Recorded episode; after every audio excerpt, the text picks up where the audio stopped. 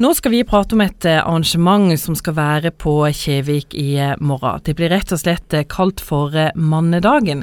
Og dette er et arrangement for de menn som har eller har hatt kreft. Andreas Wikhals, du er den som på en måte har tatt initiativet til dette her. Og det er jo ikke første gangen, men fjerde gangen. Og du må fortelle litt om hvorfor du tenkte at en mannedag var en bra ting. Ja, det kan jeg jo gjøre. Eh, det begynte jo med at jeg ble sjøl syk i 2007. Så fikk jeg sjøl kreft. Lymfekreft. Um, og så, ja, med alt det det innebar, operasjon og cellegift og stråling og den biten der. Um, og jeg følte meg godt ivaretatt av helsesystemet og, og, alt dette, men jeg følte ikke det var et rom for meg som mann til å, til å være meg sjøl, til å ha noen å snakke med som, ja, som gikk på det mer personlige planet. Og da når jeg linka opp med Kreftforeninga i 2014, så gikk jeg inn der som frivillig og spurte er det noe jeg kan bidra med. Og Bakgrunnen for at jeg gikk til Kreftforeninga den gangen, det var jo at det har vært mye sykdom og sånn i, i både i familie og, og omgangskrets og sånn. Og da gikk jeg til Kreftforeninga. Er det noe jeg kan bidra med? Og da var det sånn at Kreftforeninga har jo et ønske om å få med mannfolk, og det, de er litt underrepresentert i diverse kretser. Så da spurte de hva skal vi gjøre for å samle folkene. Og så sa jeg vi lager en mannedag. Og så ble det det. Geir Vehus, eh, du er jo eh, distriktssjef, eh, og jeg tenker sånn, er det behov for en mannedag? Vil mann, menn prate?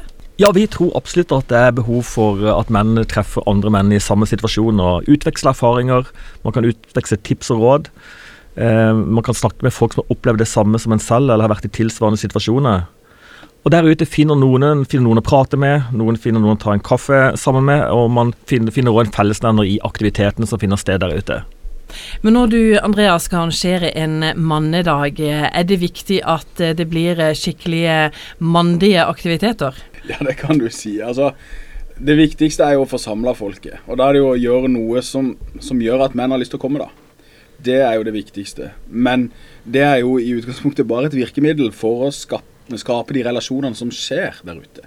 Sånn at de kommer, og så opplever de noe sammen, og så kan de snakke om hva de opplever, og så kommer de automatisk videre til andre ting som er mer utfordrende. Så det å skape relasjoner er jo, er jo det som er hovedpoenget her. da. Men nå har du altså sjøl eh, vært sjuk, syk, eh, og vi kvinner har vel kanskje en bedre Altså dette med å snakke ligger kanskje litt lettere til oss. Hva med dere menn, vil dere prate om sykdommen? Nå skal jeg uttale meg på vegne av hele den mannlige befolkninga, men, men i hvert fall for min del, så behovet er der. Det er kanskje på, i en litt annen form, men jeg har i hvert fall hatt det behovet. Noen å spare med, snakke litt åssen er det, hva, hva er lurt å tenke på. Kanskje litt mer praktisk tilnærma. Men uansett, det å bare snakke med noen, det, det er viktig. Det er i hvert fall min mening. Men Geir Vehus, er det sånn at får, eh, får dere henvendelser fra mange menn? Ja, det gjør vi absolutt. Så vi har uh, menn som kommer og vil snakke med oss på kontoret. Vi har menn som ringer til vår uh, hjelpetelefon inn i, i Kreftforeningen sentralt. Og vi har òg menn som deltar på andre ulike aktiviteter og tilbud. Men vi ser at vi ønsker å nå det i enda større grad. Og derfor har vi altså da bifalt dette initiativet til Vikals om en mannedag. Ja, i morgen så skal det altså være mannedag på Kjevik for menn som har eller har hatt kreft. Og Andreas Wikhals, du må fortelle litt om hva som skal skje på Kjevik i morgen.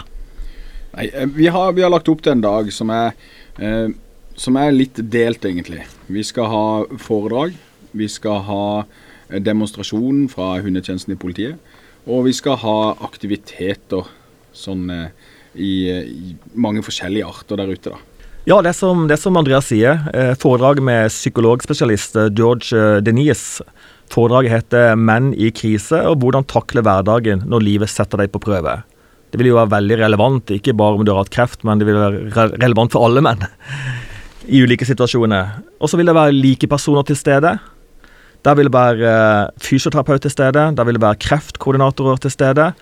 Ung Kreft vil være til stede med en egen stand, og man kan snakke med de.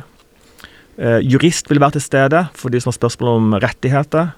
Og så vil Kreftforeningens uh, ansatte og frivillige være til stede for å informere om aktiviteter og tilbud som kan være relevante. Dette er jo fjerde gangen dere arrangerer. Hvordan har interessen vært? Ja, Det har vært stor interesse. Det har vært helt fantastisk. Eh, I fjor var det jo, eh, var det jo faktisk eh, fullt, så det var folk på venteliste. I år har vi fortsatt noen ledige plasser, så hvis du sitter nå foran radioen og hører dette, så er det mulig å, å melde seg på. Kan du gjøre på telefon 48 300 893, eller du kan gå inn på Kreftforeningens nettside og melde deg på på linken der. Andreas, du som sjøl har stått midt oppi det å være syk. Hvor viktig er det på en måte å klare å fokusere på litt andre ting enn bare sykdommen? Det er veldig viktig. Det er i hvert fall min erfaring og, og mening rundt det. Men det er jo, det er en sånn balansegang, for du skal jo kunne snakke om det, men du skal også ikke gå og tenke på det hele tida. Altså, det er viktig å få litt avlastning. Så det er, det er, jo som med alt annet, det er jo en balansegang. Ha noen å snakke med, men oppleve noe. Så det er jo dette som blir den optimale kombinasjonen. da. For I tillegg til at vi har psykologen fra sykehuset, og vi har alle disse til stede, så har vi jo vi har konkurranse. Vi skal vi skal eh, drive med droneflyging, det har vært populært. Vi skal ha klatring i klatrevegg. Folk skal kunne prøve flysimulator. Vi skal fortelle virkemåte på helikopter nede på detaljnivå. Vi har med noen som bygger et fly, som skal vise hvordan de jobber med det. Hvordan de jobber med materialene på dette her. Det er liksom totalen her. Vi skal teste litt eh, Forsvarets nye fysiske tester. Skal vi vise hvordan det foregår. Vi har henta fram noen gamle AG3-er som mange av mannfolka har en kjennskap til fra tidligere. Så lager vi litt konkurranser. Og da kan de vinne premie som er helikopterflyging, og så lodder vi ut også noen helikopterturer.